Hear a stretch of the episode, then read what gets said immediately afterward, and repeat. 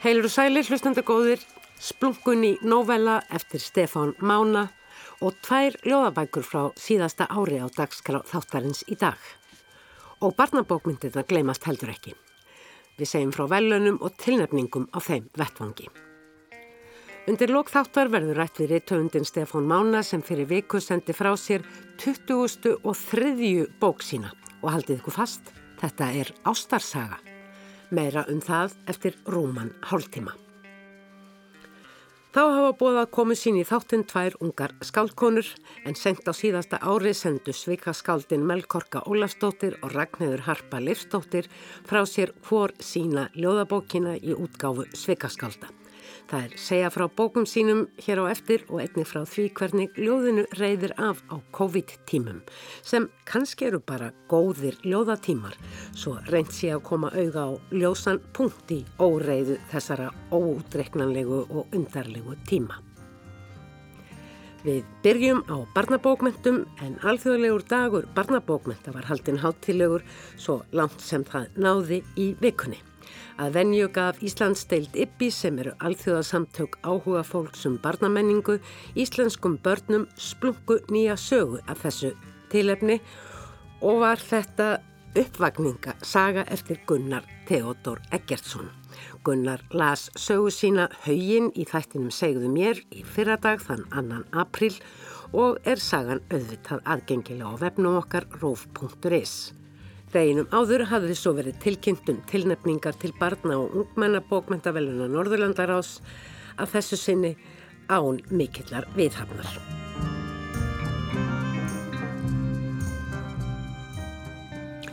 Venjulega er tilkynntum tilnefningar til barna og úlingabókmentaveluna Norðurlandarás á árilegri kaupstefnu barnabókmenta í Bologna á Ítalju en ekki í þetta sinn eins og ljóst má vera.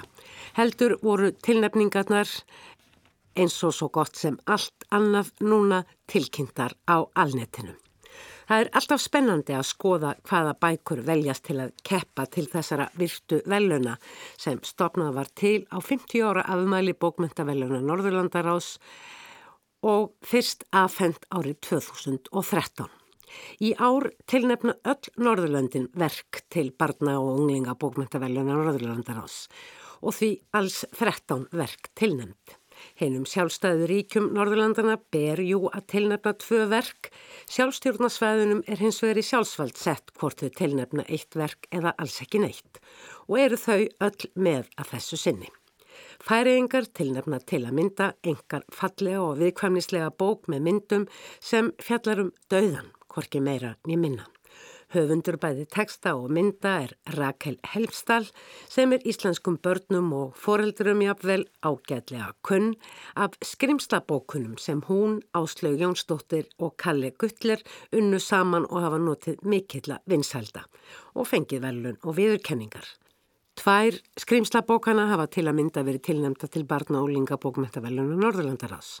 Þá vakti aðtigli mína að önnur bókin sem Danir tilnæmna og heitir Mín ægi stein, augasteinnin minn, er eftir eina þekktu dönsku skáldkonu Merete Pryshelle sem margir íslenskir lesendur kannast við. Meriti Prushelli var gestur á bókmyndaháttíð Reykjavík síðastliði vor og um sveipaleiti kom skáltsaga hennar það sem að baki býr út í þýðingu Magnífu Mattíastóttur. Augasteitnin minn er söð ljóðræn og sjónræn bók þar sem segir frá stelpulífi, krísu þryggja sistra. Og einhverstar á netinu fann ég þetta brot úr bókinni. Sistir mín er með glerauga. Hún skiptir því stöðut út því liturinn á gleröganu passar ekki við hittaugað. Pappi segir að það sé ekki mér að kenna að sýstir mín sé með gleröga en hann segir líka að það sé ekki honum að kenna að mamma skulle hafa flutt til Jasmín, stóru sýstur minna sem býr á stúdandagarði. Ég held að það sé ekki rétt hjá honum. Svona skrifa sem sagt með rétti Pruss Helle í bók sinni Augasteitnin minn. Aðra höfunda á tilnefningarlistanum og bækur þeirra þekki ég ekki fyrir utan þá íslensku sem eru Ragnhildur Holmgerstóttir og Lani Yamamoto. Ragnhildur er tilnefnd fyrir skáldsögu sína Villueyjar sem er sjálfstætt framhald skáldsögunar Koparborgin en aðal persóna Villueyja, hinn 14 ára gamla Arilda, fær ímislegt að heyra og jafnvel finna um hinn að döla fullu og nú hortnu Koparborg. Þess má geta að Ragnhildur var einnig tilnæmt til batna og lingabókmyndavelunum Norðurlandar ás árið 2016 fyrir einmitt Koparborgina en þá fjallu velunin Arnari Má Allgrímsinni í skött fyrir skáldsögu hans Sölva Saga Óllings. Hinn bókin sem Íslandinga tilnefna er Egil Spámaður eftir hennar japansku Lami Yamamoto sem er afar sérstök og einstaklega áhugaverð barnabók eins og framkom í gaggrinni höllu þorlegur Óskarsdóttur fyrir halvu mánuði og má enn hlusta á þá ríni og eða lesa á heimasíðu þáttarins.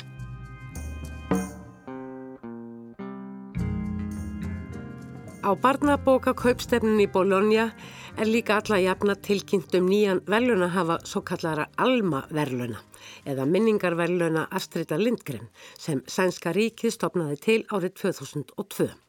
Alma eru alþjóðlega velun og vekja tilnefningar til þeirra aðtikla á barnabókmyndum um allan heim. Fyrst til að ljóta þessi velun var austuríski barna- og úlingabóka höfundurinn Kristínu Nöstlinger en nokkrar bækur eftir hana kom út á íslensku á nýjunda og tíunda áratug síðustu aldar. Árið 2005 hlaut Filip Púlmann velunin en íslenskir lesendur af yngri kynslu kannast auklust vel við hann. Árið 2015 var það svo Barbro Lindgren sem skrifað hefur fjöldan allan af barna og úlingabókum meðal annars hinnar frábæru smábarnabækur um Dúa sem Vilborg Dagbjörnsdóttir þýtti svo vel á nýjunda áratug síðustu aldar. Og þar með er nú eiginlega upptaldir þeir veluna hafar alma velununa sem ég þekki til. Eins og ofið sagði eru minningavelunum Astrid Lindgren alþjóðleg og á hverju ára er fjöldi höfunda hvaðanæfa að tilnemdur og almavelunin eru stærstu peningavelunin í barna- og lingabókabransanum. Veluna fjöð hvorki meirann í minna en 5 miljónir sænskar krónur. Í óttaberi fyrra voru tilnefningar þessa árs ofinberaðar en alls voru 240 höfundar tilnemdir frá 67 löndum. Sigrun Eldjórn var þar á meðal einn íslenskra höfunda barnabókmenta. 31. mars var svo tilkynnt hver hliti verlunin í ár.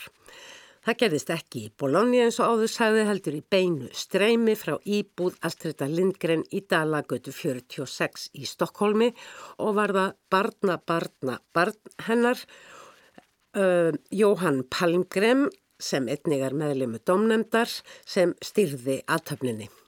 Áður en að því komað afhjúbak hver hinn að 240 höfunda fengi velunin og tæki þátt í barnabókavíku í Stokkólmi síðar í vor, við vonum það besta, mælti menningar á þeirra svíþjóðar Amanda Lind nokkur orð um þá erfiðu tíma sem við nú lifum og myndi í anda Astrida Lindgren á mikilvægi þess að ræða líka við börnin um þessa undarlegu tíma sem ganga svo nærri vonum okkar og vendingum. Astrid Lindgren kunni nefnilega þá list að segja börnum sögur af hlutum sem fullorðnir oft veigra sér við að tala um. Saman ber hennar stórkoslegu sögu um bróður minn Ljónshjarta sem er sorgleg saga um leið og hún er humorísk og full af vonum. We live in times that are uncertain and in many ways also scary. How can we explain to our children what is happening when we barely understand it ourselves? When measures to protect people risk increasing the distances between us, how can people and young adults find hope for today and for the future?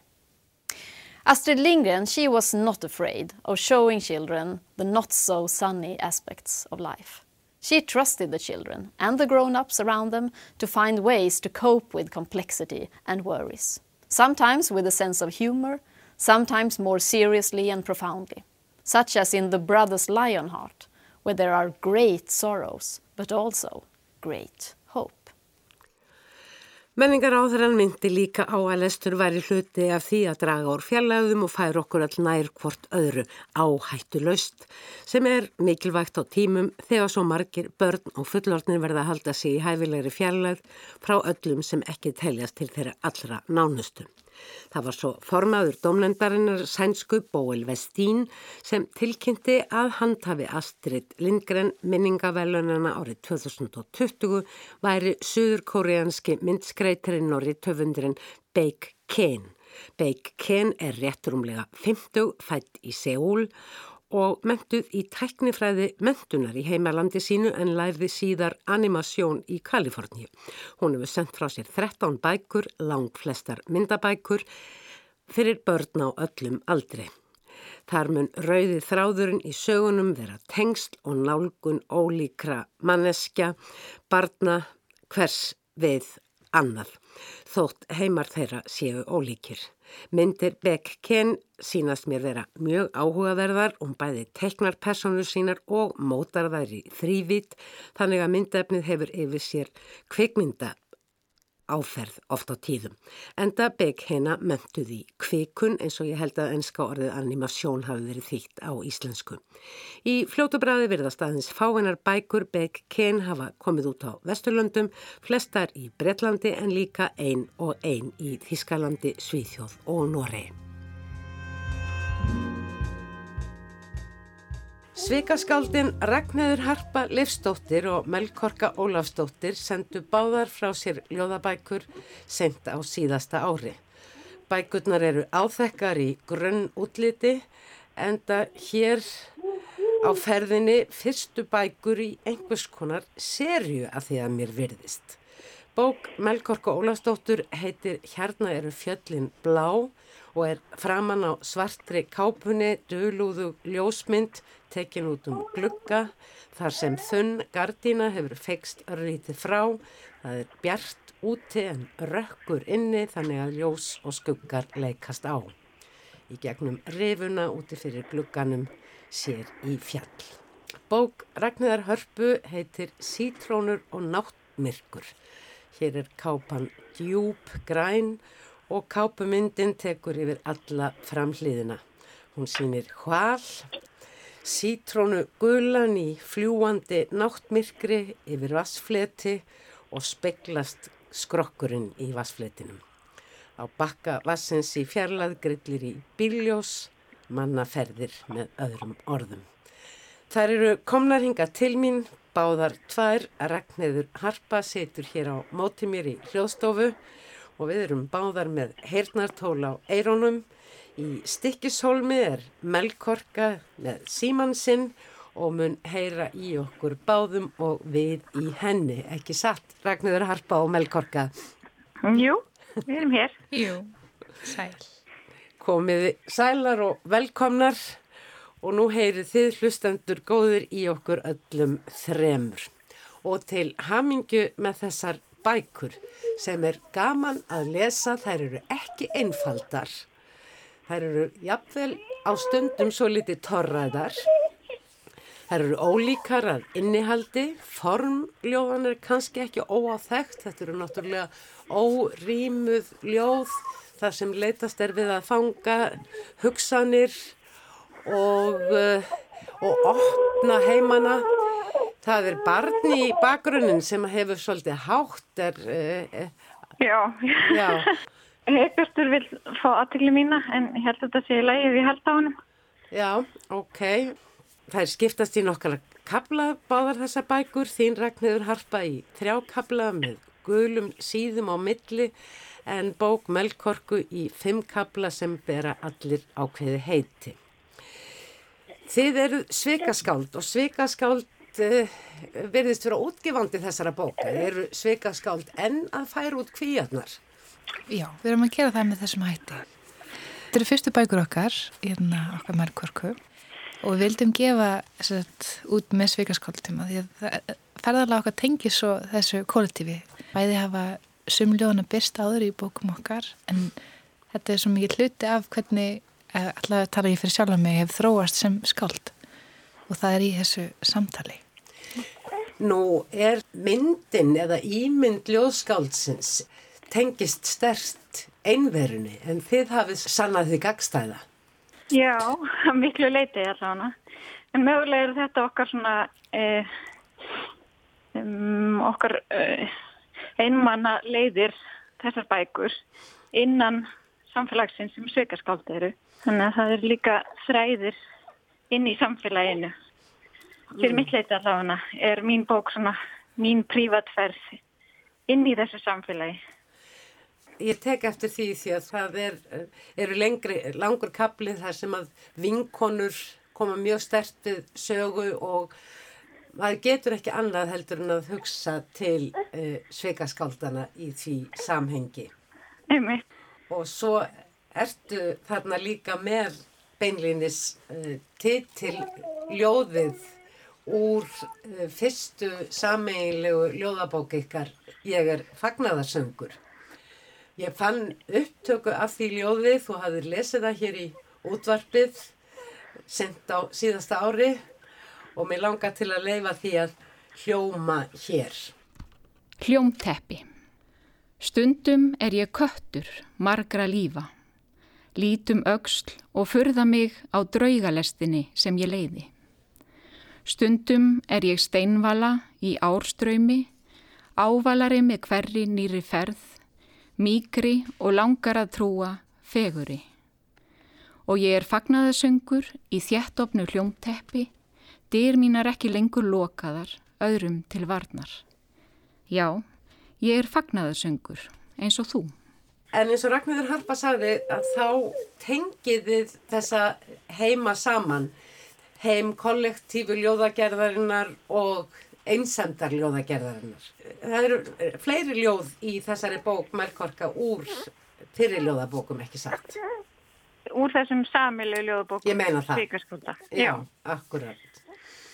Segðu mér aðeins frá kablaskiptingu bókarinnar. Þú veit með, þetta eru fimm kabla, fyrsti kablin heitir Brot, síðan kemur kabli sem heitir Kintsugi.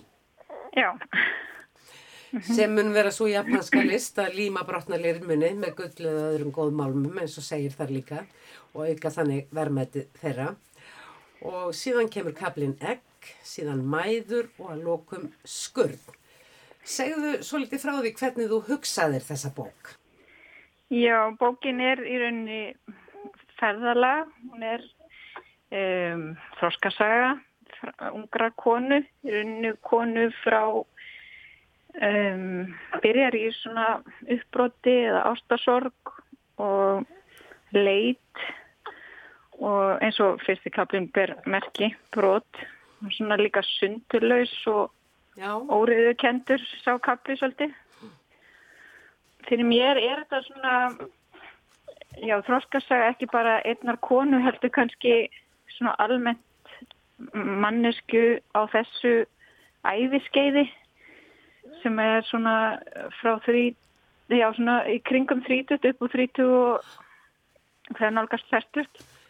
Þegar maður svona vonandi verður minna og minna sjálfhverfur og fyrir að setja hlutina í starra samhengi og átt að segja á því að, að sko sjálfhverfan getur verið svo mikil upprunni óhamingi og eftir óhamingja bara spurningum og þrengt sjónarhald konan svona lærir að setja hlutina í stærra samengi eða í samengi við samfélagssitt og umhverfi og vinkonur og, og formæður og, og hérna, þá sem eftir koma og svona umhverfið í kringu sig, jörðina í held og hennar er svona, já þetta er, þetta er slík þróskasaga og fyrir gegnum þessi skeið. Þessi ljóð, urðu þau ekki til á lengri tíma eða svona Já, þau eru rauninni skrifuð á næstu í tíu ára tímabili. Þú talar um, um uh, tímamót og breytingar í tengstum við lífskeið og við heyrum jú í bakgrunnin sondin Heiðbjart sem vil líka fá aðtigli. Þessi tímamót, þetta nýja lífskeið í lífi konu sem þú ert að mynda inn í, það er einmitt þetta lífskeið þess að vera móðir og verða móðir? Já, það er stór partur á þessu og það kemur inn í þessa sögu líka sorgin yfir að slíki draumar rætast ekki. Það gekk á ymsu svona í, í hérna til þess að heitartu kemi heiminn mm. og það er náttúrulega partur af lífi margra, ekki bara hvenna heldur fólk sem að, sem að dreymur um það eignast fjölskyldu. Nákvæmlega. Og það er kannski ekki, samt segir ekki, þetta er ekki alveg einföld saga þannig. Nei. Um, mér langar að segja starri sögu líka bara um, um konuna í starra samengi. Þú, móðuruna. móðurina og þú ferð, þú sérð í rauninni mæður allt um kring samanber ljóðið þjóðvegur eitt. Já, einmitt. Það, það ljóð er svona, um, það er um rollu sem á, á tvö lömp og hún er leiðin í heimahagan og hún er þá í rauninni búin að um, eignast sín afkvæmi og er á leiðinni aftur heim til sín. Og þetta er svona kannski leikur með þess að hugsa um æfiskeið og hvernig við leitum og endarum aftur heim og líka það endar á að, að líf hennar er klófið í tvent það er unni e, eins og margar mæður þekkja að þú getur aldrei bara hugsað um sjálfa þig eftir það, eftir það eitthvað spöld Hvorki það nýja getur gert líf barnana af þínu einverðungu Þetta Akkurat. er mikil jafnvægis ganga. Lestu mm -hmm. að gamni þetta stuttaljóð þjóðvegur eitt? Þjóðvegur eitt. Á meðri leið mæti ég tvílemdri rollu. Það er ferða rökkva og hún horfir á mig ásakandi. Lömpin speil eigð í fótspormennar. Ég verð snöggvast skammustuleg meðvituð um barnleysi mitt. Veit að hún er á bakaleið í heimahagan. Líf hennar klófið í tvent. Þetta er í rauninni mjög personlega bók, Melkorka, ekki sett? Mm, jú, hún er það. Um, ég trúi því að um, maður geti sagt stærstu sögurnar ef maður talar á einhver leiti allavega byggt á einn reynslu og ég veit að, að það tengja ímsir við margt sem kemur hérna fram um, en ég gæti ekki einhvern veginn ég hef aldrei átt auðvöld með að allavega ímynda mér einhvað sem ég hef ekki upplifað einhvern hátt sjálf Mér langar líka til að spyrja þig Ragnhjóður Harpa Leifstóttir um bókina þína Sítrónur og náttmyrkur eh, sem heilt og, og svona hvernig urðu þessi ljóð ég er líka á tilfinningunum þau að vorði til á nöngum tíma. Já, það er rétt, rétt hjá þér. Ætla að sé ekki svona fimm ár, mm. eitthvað svo leiðis, fimm-sex ár. Og upphafið er, já, bókin sjálfur er ákveðin ferðarsaga. Hún hverjast um þessi, þessi áraðna aðeins og undan, þetta er svona kannski 25 til eitthvað, 30 og eitthvað. Mm. Þetta er svipað tímanskeið og hjá Melkorp. Já, en þó aðeins fyrr og, og hugsanlega kannski aðeins áttavildari.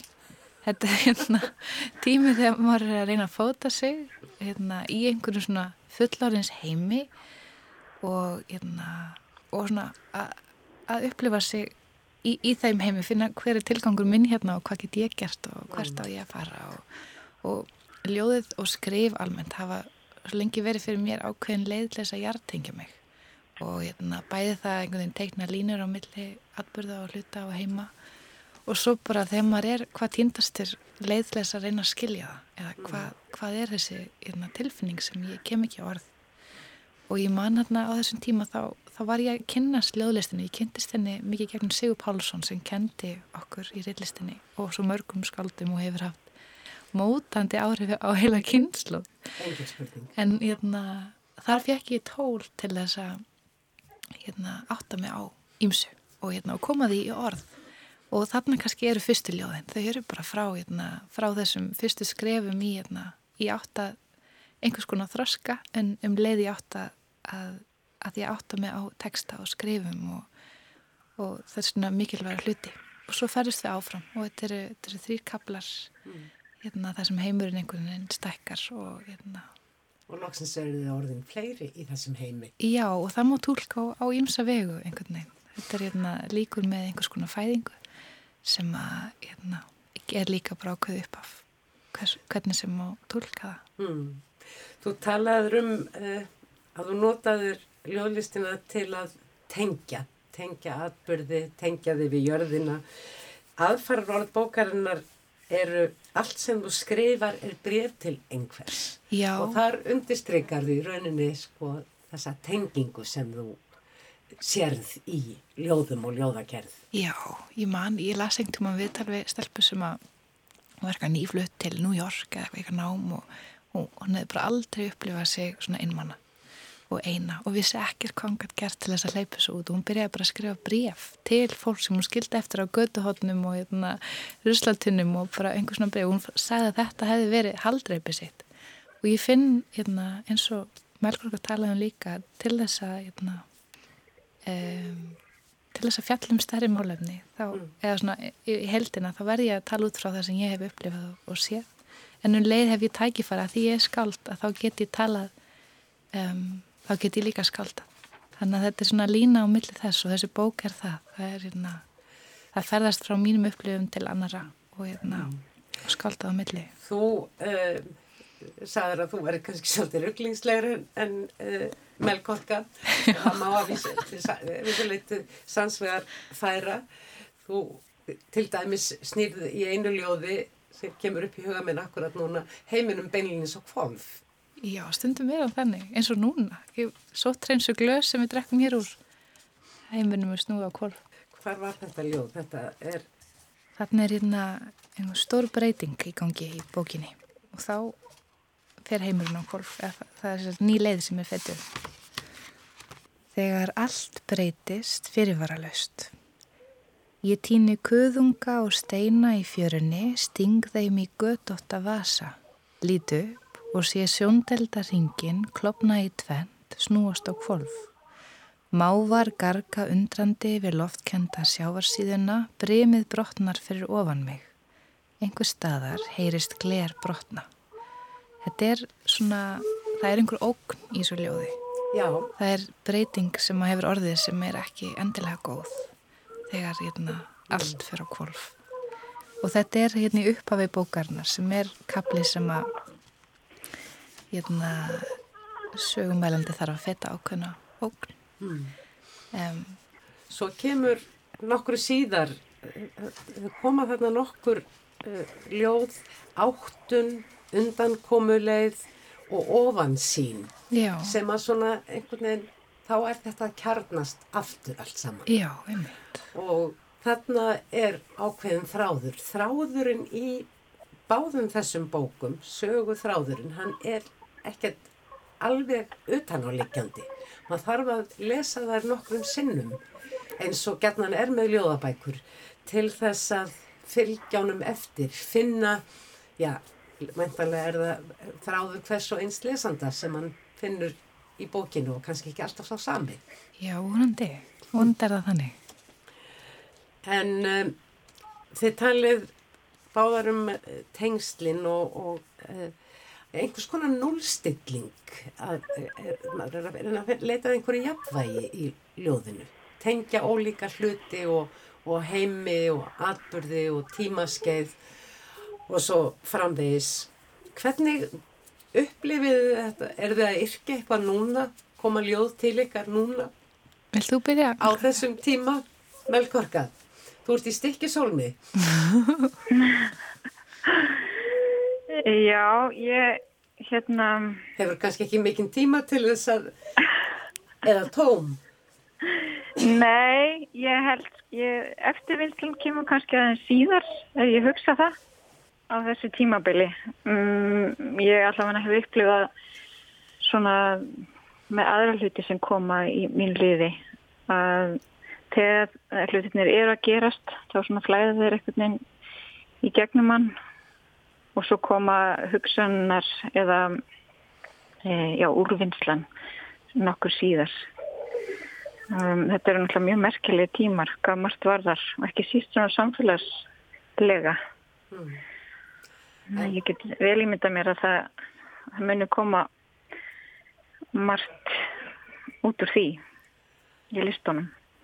Og jáfnveil að ljóðið í skálskapnum muni verða gott svið til þess að koma þessum hugsunum á framfæri sem að bærast í, í hugamanns því þetta eru annars vegar svona það er einhver heimsendir í þessu en líka um leið þetta tekur enda.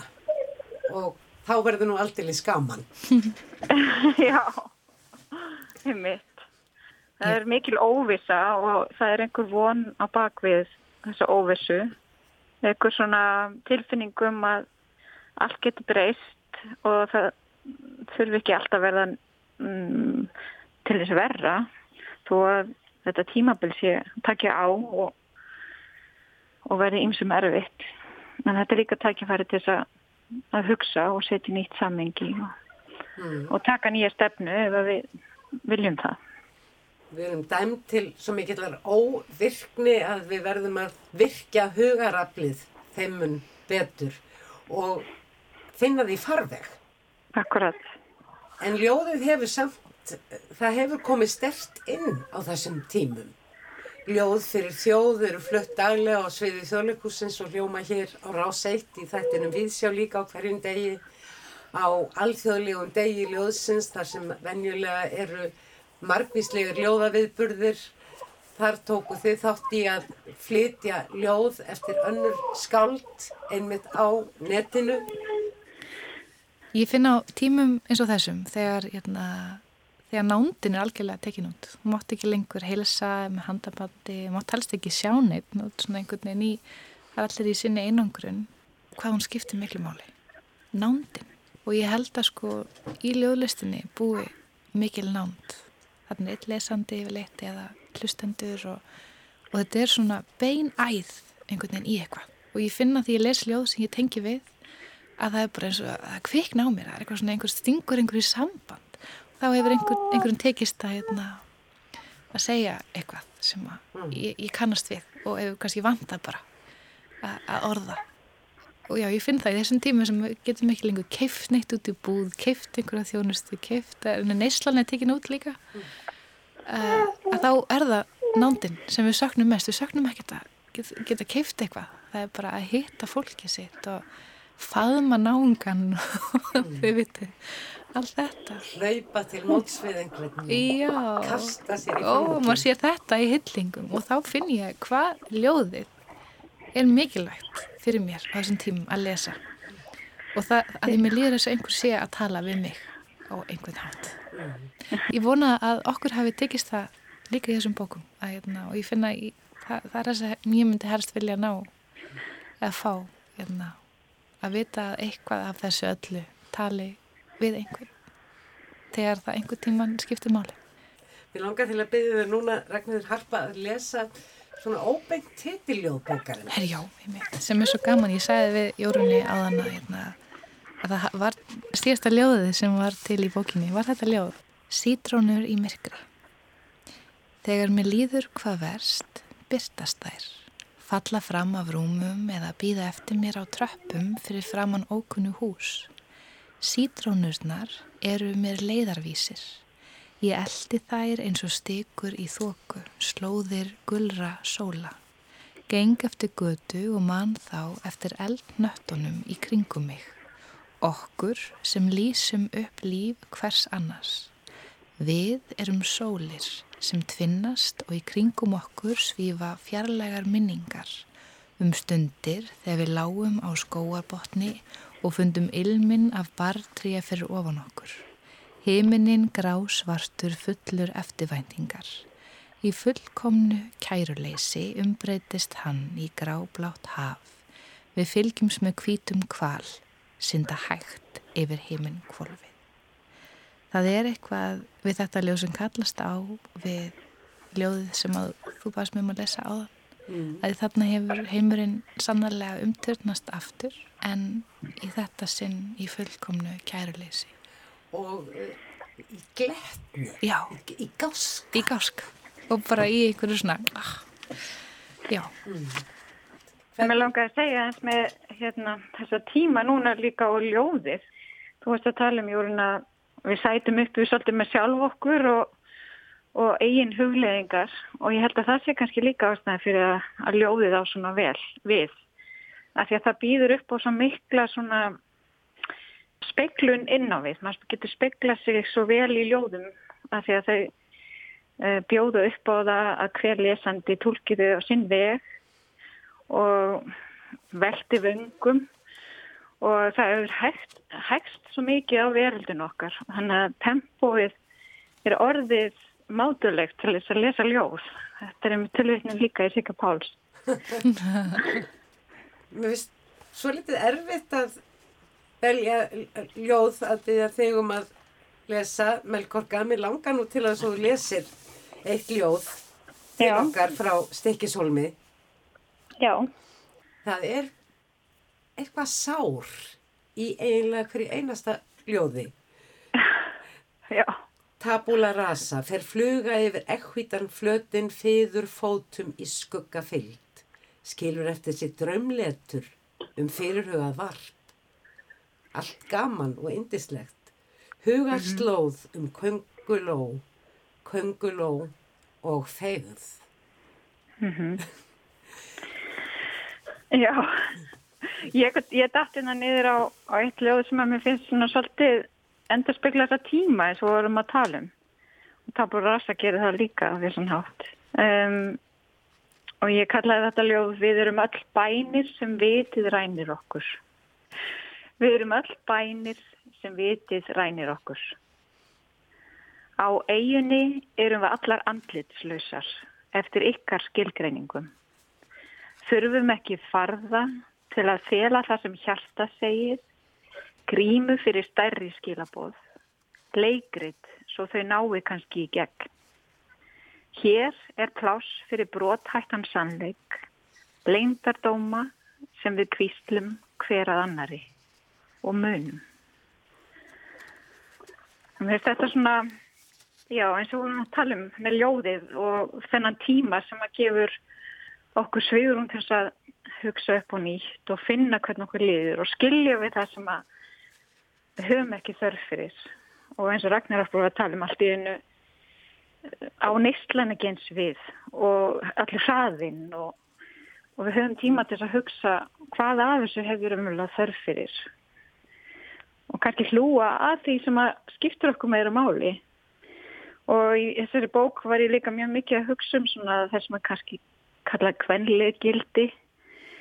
Um, þar sem að konur eru almennt gera meira af eða sem við finnst að það vera já, betri í einhver leiti um, og hvað þau skipta miklu máli og hvað þau hafa orðið undir í svona kannski kapitalismanum og fæðraveldinu og, og það væri nú kannski gott að leifa þeim að njóta sín betur að það myndi vera meira jáfægi í lífinu og heiminum í dag.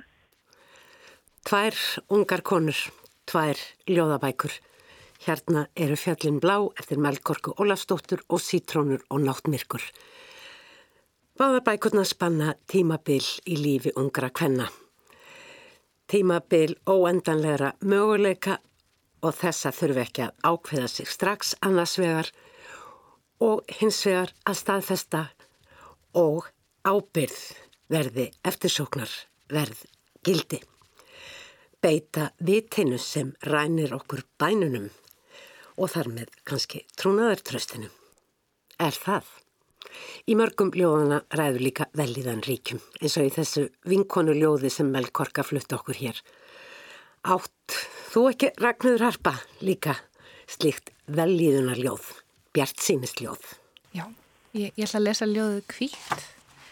Um, það var til þegar ég var að lesa, hérna, las svo mikið Ann Carson þegar, hérna, uppgötaði hana. Og hún á, hérna, á ljóð um Guð sem er svo spennandi því það er svo, hérna, hættilegt, fallegt. Mm. og, hérna, og fór að hugsa um fyrir okkur hvað væri, hérna, hvað þetta væri svona á Íslandi. Og þá fór ég að hugsa um sko vorið og byrstuna og það er svona eins og þegar hún kemur og það slaknar á öllum. Og maður finnir núna það, vorleikarnir er að byrja og, og strax kemur þetta svona gamla rótgróna sem fer alltaf kynslu eftir kynslu og bara svona mm. það er einhver svona vonanisti að sjá voru koma eftir veturinn og sjá voru koma á þessum tímum þar sem að hérna, ástandi er eins fyrirlegt að það er. Við svelgjum það í Við alveg bara, ó, hann er þeir. Og það er ennþá meiri þessi eftirtækt og eins og við komum inn á áðan hvað hérna, einveran og einsemdin er okkur mikilvæg. Við erum okkar besti félagskapur og við þurfum að geta að vera ein með okkur sjálfum. En þetta er ljóðið sett kvít. Og það er svona. Kvít. Meðan við sofum leggur hún nýstrauðu lög á göturnar. Ferðast inn undir auglokkin flæðir ofan í æðakerfið. Ég vissi ekki að við værum svona þyrst í byrstuna.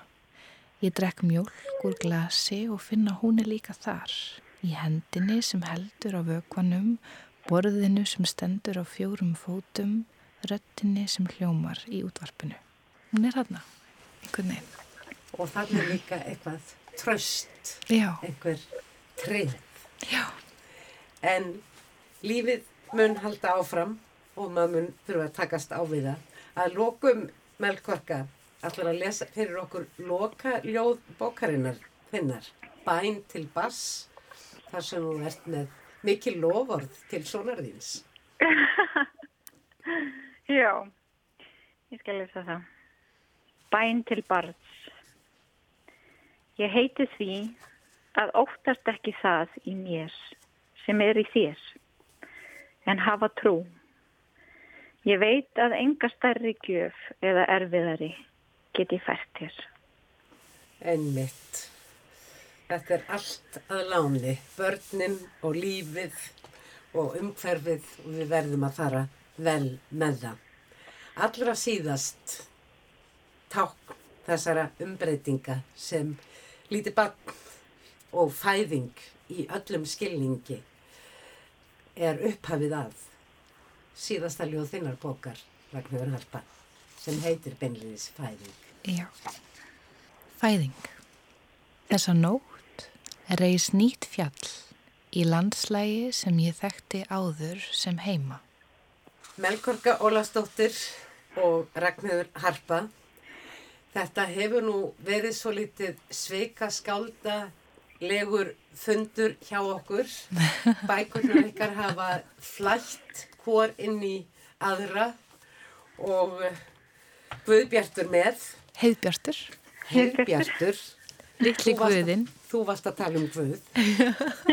Guðin hjá Ann, Ann Karsson. Kærar, kærar þakkir.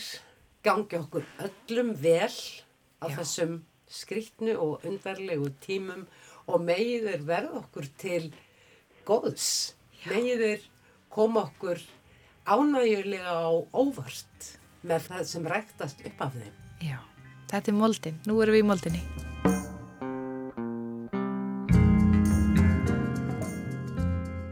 Stefán Mána má kalla spennandi rithöfund.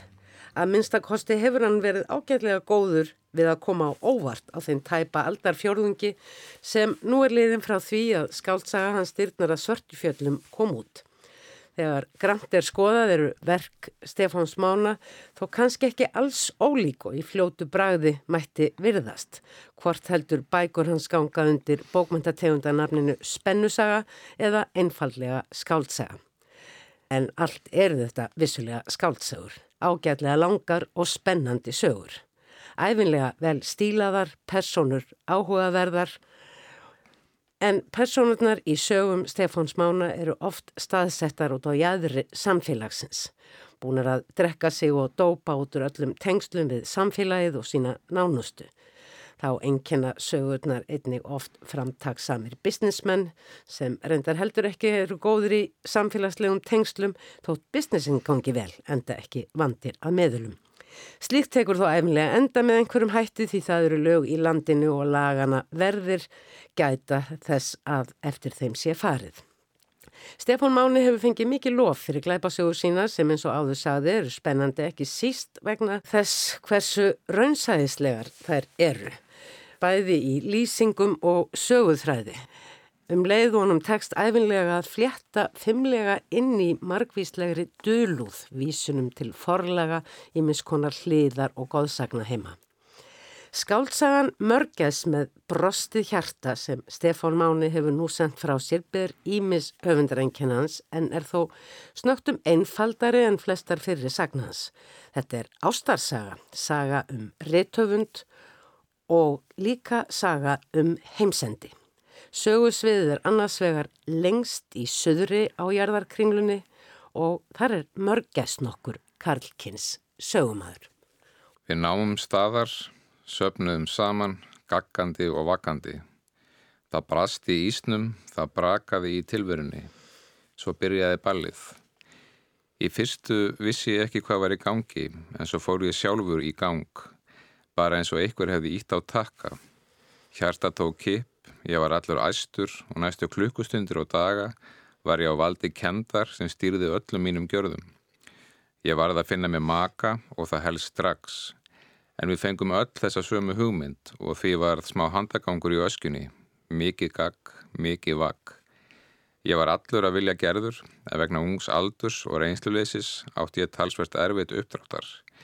Ég held mig því dálítið til hlés og alltaf í útjæðri hópsins fjarrri mestur látunum. Einhverju hluta vegna voru kærlunar færri en karlanir og því brutust oft og yðurlega út átök. Mér leist satt að segja ekki á blíkuna. En svo gerðist það. Ég veit eiginlega ekki alveg hvernig, en það gerðist. Við rákumst hvort á annað, ég og hún. Um leið og ég sá hana, vissi ég að þetta var svo sem ég leitaði að, svo sem kendin rak mig áfram til að finna. Fyrst urðu við mjög undrandi bæðið tvö, en svo við triðum ekki eigin augum. Svo urðu við fegin og okkur létti. Við fetuðum okkur nær hvort öðru, svo stóðum við saman, negðum höfuðinn og létum þau snertast.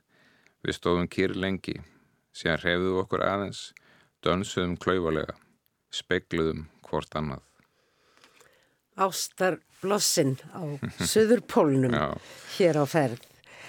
En sagan gerist jú ekki bara á Suðurpólunum, heldur líka í höfuborg á eigu hér í norðri.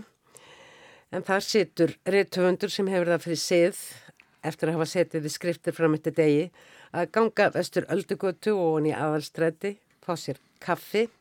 En kaffið er ekki eina ástæðan fyrir því hann leggur leð sína á þennan stað. Við skulum aðeins heyra á ástinni í henni Reykjavík. Hún er búin að vinna á eftirlætis kaffihúsinu hans í rúma tvo mánuði en hann veit samt ekki hvað hann heitir eða hvaðan hún kemur. Hún er ekki íslensk, svo mikið veit hann, en hún talar alveg ágæta íslensku. Hún byrtist bara einn daginn og þá upplýði hann mjög stert endurlit en svo leiðir þær að hefur leiðið saman eitthvað tíma áður. Hún hefur afgreitt hann ótal sinnum, hann hefur margsinnes hort sem snöggvast í augu hennar og fengið samtímis rafstuði í bakheilan. Hann hefur rétt henni greiðsluna og tekið við afganginum, tauta gjörðu svo vel og takk fyrir og svo framvegis. Hún hefur brosað til hans og hann hefur farið á taugum, litið undan, orðið allur skrítinn og svo framvegis. En hann hefur aldrei átt í alvöru samskipnum við hanna, aldrei spurt hanna að einu eða neinu. Stefán Máni, til hamingu með þessa litlu bók, þetta er svona novella. Já, takk. Og uh, Utan á stendur mörgæs með brostið hjarta og mynda af mörgæs á Istunöf mm -hmm. en einnig af manni með skjálatösku á Istunöf, millið þeir er gjá og þetta er ástasaga en þó ekki bara. Því eins og ég saði á þann að þá er þetta saga um reytöfund, saga í sögu, saga um sögu og saga beinlinis um heimsendi eða hvað. Segðu frá hvernig þessi saga kom til þín og hún er ólíka öðrum sögum þín. Já. Ekki svona þjættriðin eh, við atbyrðarás eins og þú kannski þekktastur fyrir. Hún er rólegri og ljóðrætni og óræðri kannski. Mm. Það er bara að misja hvernig hugmyndi maður fær. Ég fekk eh, þessa hugmynd einhvern veginn og var mjög hrifin af henni en uh, svona kveikjan kveikjan var e- eiginlega svona vangaveltur um einmannaleika og, og ég hafði nýlega lesið hundra ára einsemt og, og bara svona velta fyrir mér einmannleika og jafnvel þessum, þessum titli hundrað ára einsemt sem er mjög mikil einsemt og upp úr þessu spruttu þessar vangaveltur og ég, þessi mörgjas byrtist mér einhvern veginn þessi einmanna mörgjas og hún kom fyrst Hún er mjög sannfærandi. Og höfundunum kom síðar og svo Aha, áttu þetta fyrst að ferða dýrafsæða? Uh, ég bara ég, sko? Nei, ég vissi það ekki sko. En svo faraði að spekla hvern annan mörgæsin og, og höfundurinn og, og hann er að skrifa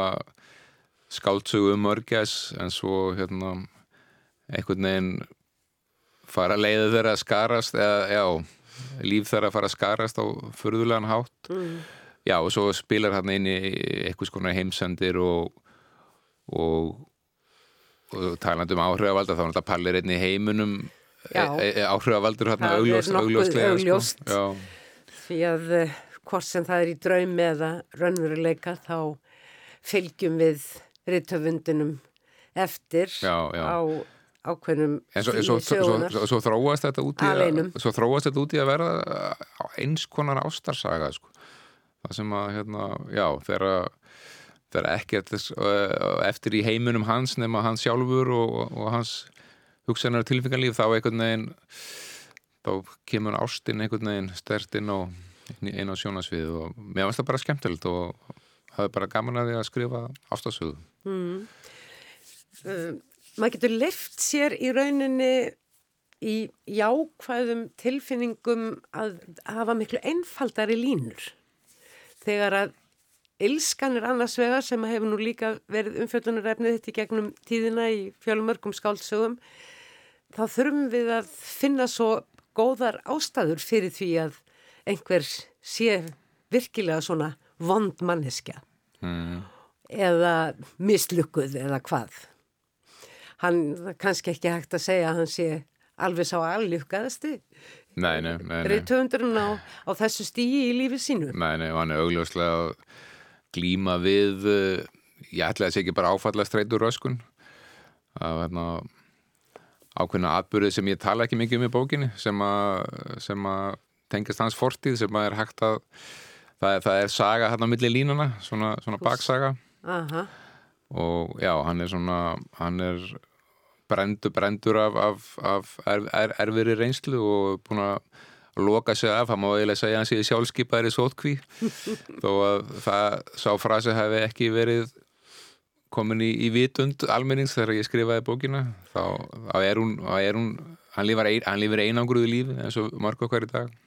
Já, það var uh, dálítið skrítið að lesa ymmit bók þar sem að manneska er bara ein í sinni á sínu heimili og rétt getur farið út að ganga svona eiginlega til að eins og til að viðra sig eins og sóttvarnar læknir, og yfirvöld ráðleggja okkur að gera í dag. Já, já, og blanda ekki geði við neittn á kaffihúsinu já, uh, nema einhver orð á orð við þessa personu A.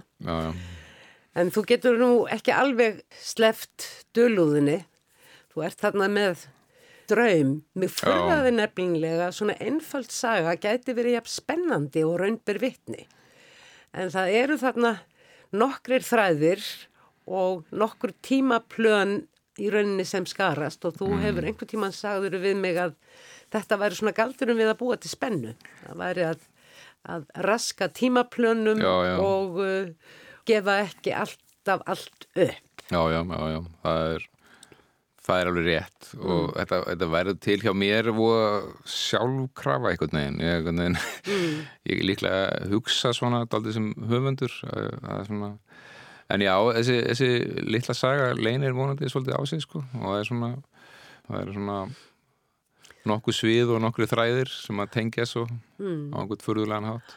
Þetta er náttúrulega, þetta er táksaga, þetta er saga sem að er að leika sér með frásóknarformin, uh, speigla ákveðna hluti hverja í öðrum mörgja sinna og manneskjuna, jökulbreiðuna og mm hið auða blað, hvíta og svo framvegis. Uh, Aflaður er mikill heimilda í sambandi við mörgja sinna. Mér fannst í stundum eins og heyra bara í aftunbóla. Já, já, ég, ég bara ég, ég, ég bjó af því sko ég var bara búin að á, þess að vera undirbúið með fyrir einhverja bók þá var ég búin að hérna, horfa á heimildamindir og, og, og læra heilmikið um mörgæsir og Suðuskostlandi, ég hef bara alltaf haft áhuga á á Suðuskostlandinu og, og dýralífi og, og horfið mikið á náttúrlífsmyndir og les mikið þannig bækur. Þannig að ég bjó að þessari reynslu þurfti ekkert að bæta miklu við hana sko. En svona uh, lítil Nóela, uh, skrifast hún í, í einu kasti, uh, verður hún til inn á milli verka? Já, Þetta leggja ég- eitthvað frá þér? Ég, ég hérna, svona einhendi mér í þetta var, þetta tók örfá á mánuði en er, þetta var skemmtilegt, skemmtilegt ferli að skrifa þessa bók og mikið með mæntum hana og mjög undarlegt að vera að gefa hana út í þessu skrítna andrúslofti mm. sem að einhvern veginn rýmar aldrei mikið við bókina Já, en um leið uh, var henni svo fjarrið því að stóra vandamálið Já. var eiginlega einmitt atgangur og ágangur já, manneskunar já, en ekki svo staðrinda manneskan fyrir að draga sig til hljés eins og nú er raunin. Þannig að ég er bara vonast til að, að fólk núna sem hefur er, er í sótku, hefur næja tíma gefa sér tíma til að lesa bækur og, og þroskast og dapna á mm. þessum skrítnum tíma. Hvernig gengur svona að skrifa við þessar aðstæðu sem nú ríkja? Það er alveg eins sjálfu sér sko og Það er ekkit órólegri oftar að standa upp? Nei, nei, nei, nei og nei, nei, lífið heldur bara áfram og fólk þarf ennþá að sögum að halda þannig að ég Já, þetta er skrítur skrítni tímar en, en, en þeir eru ekkert, ekkert endilega skrítni fyrir ríðtöfundin sko. Mm. Hérna, Nó að sögu efni fyrst. Það er líka ágætt að hérna, dreifa hugana með því að skapa og lesa auðvitað. Mm. Þannig að... Þú varst nú fljótur að koma með hrunið inn í skáldsögur. Já, já. Ég býst, býst nú ekkert við því að skrifa COVID-bók sko en það er hérna, ég veit það ekki, held ekki. Ég held að hérna, þegar þessi, þessi pest verður gengin yfir þá vil ég enginn heyrast minnst á hann aftur. Þá vil ég, ég bara fara út að hlaupa já, og, og fljúa já, og, og ferðast. Allavega held ég að komi ekki COVID bækur í haust ekki sem að vera vinsælar held ég. Nei, Stefán Máni gangi okkur öllum vel og takk fyrir íhugunarverða dagrætvöl með mörgæs með brosti hjarta. Takk sem ég les og ég vona allir fari bara að lesa. Sannarlega. Fleiri verða orðum bækur ekki að þessu sinni. Tæknum aður þessa þáttar var Úlfildur Eisteinsdóttir. Takk fyrir að hlusta verði sæl.